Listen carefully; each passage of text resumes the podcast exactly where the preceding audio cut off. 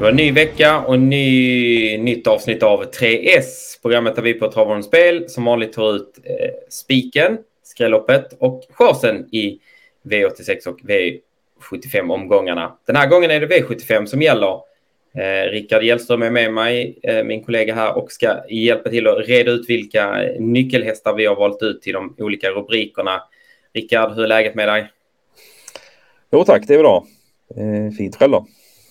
Jo, det är fint. Solen skiner för en gångs skull tänkte jag säga. Det är kallt, men eh, så, länge, så länge man får se lite solljus är man nöjd.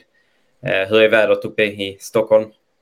Ja, det var väldigt kallt i morse när jag gick till kontoret. Sen har jag suttit instängd i ett litet rum här så att jag har faktiskt inte koll på vad som har hänt de senaste timmarna. Ja, det är väl kallt överlag i Sverige nu så att ehm, och det påverkar väl också travtävlingarna lite. Det verkar som att eh, på de flesta banor, i alla fall i Mellansverige och uppåt, måste man köra med brodd. Så är det. Det är väl. Eh, det är väl risk för det på lördag med får man väl säga nu då, när det går på dem. Men det gäller väl att hålla utkik på det så det får man väl hålla koll på under tävlingsdagen där när man är framme på lördagen och ska ta ihop det sista på sina system där. Och det går ju att följa med också på Travrondens live-rapportering och se vad som händer där. Exakt. Travonenspel.se, ni vet var, vi, var ni hittar oss. Um, det blir ju fin utdelning förra lördagen. Det är nästan 10 miljoner till de som lyckades hitta sjuan. Vi var inte nära. Vi åkte ju på spiken Titan Joda. Eh, Rickard, ehm, kan det bli något liknande den här veckan eller ser det enklare ut? Kan kan det alltid bli. Eh, det hänger ju på vilka som vinner. Men eh, eh, på förhand så skulle jag väl inte säga att det kanske blir några 10 miljoner. Det skulle jag inte tro, men eh, det kan bli bra betalt ändå. Det hoppas vi på och eh, för att det ska bli bra betalt till oss så måste vi ha en spik. Därför går vi till första rubriken och det är spiken.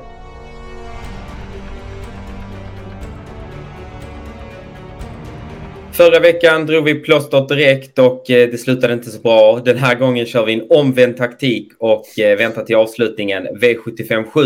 Det är samma kusk nu som förra lördagen. Örjan Kihlström, hästen vi talar om är fem Hannibal Face. Rickard, motivera hur vi tänker.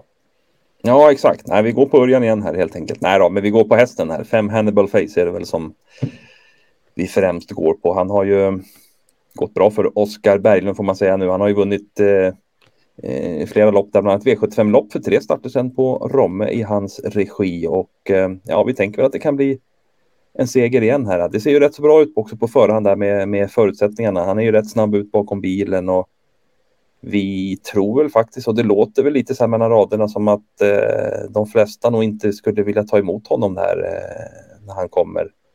Och eh, vi ser ett scenario framför oss här att Hannibal Face skulle ta glida mot ledningen här och eh, Ja, och sist var han ju bara sexa då. Det var väl inte så bra kanske, men eh, då satt han ju fast med krafter kvar där i bronsfinalen. Så att formintrycket ja, består ju på den här hästen. Det är ju en väldigt kapabel häst. Det har ju visat genom eh, tidigare karriären så att säga. Så att, nej då, så att vi tycker väl att det ser ut som en väldigt bra chans och när han inte är så klar favorit heller så tycker vi att det är en bra, eh, bra spik också.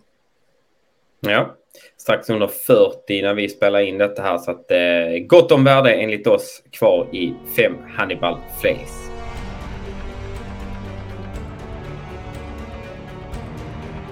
Skrälloppet, då är vi som så, jag vet inte hur många gånger vi har varit där och eh, lagt under skrälloppet. Men vi är i alla fall i diamantstoet, V75 4.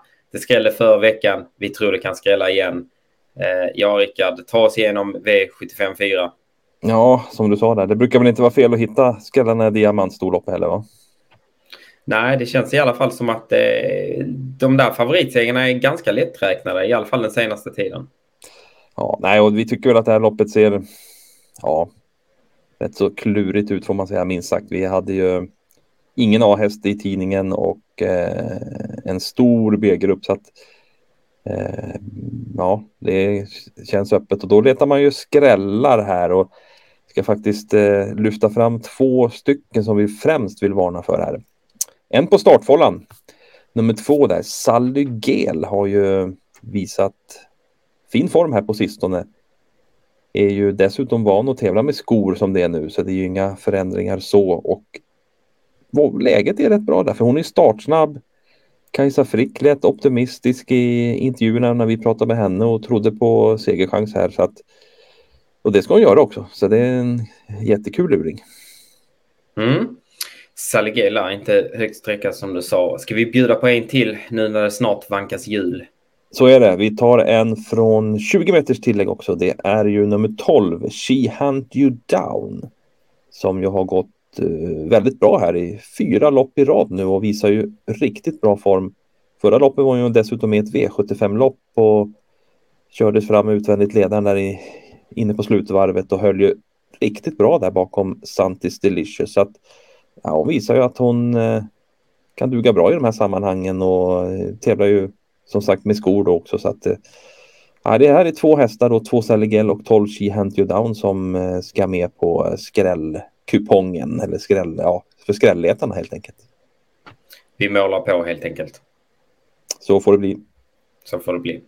Då går vi till den sista rubriken och det är ju som vanligt omgångens chas.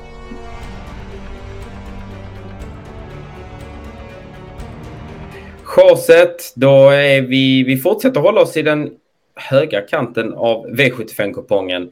Det är i V75 6 och eh, favorit i nuläget är två Condior.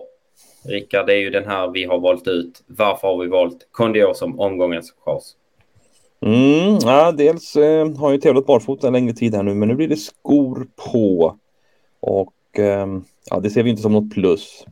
Han har ju bra läge och är ju väldigt startsnabb och Eh, ja, det finns ju chans att han kommer till ledningen, men det är startsnabba hästar runt omkring så att bland annat innanför där är Bold Eagle också som det låter som man vill ladda med från början så att det är inte heller givet att det blir spets och det kan också kosta på ordentligt att komma till ledningen den här årstiden med skor.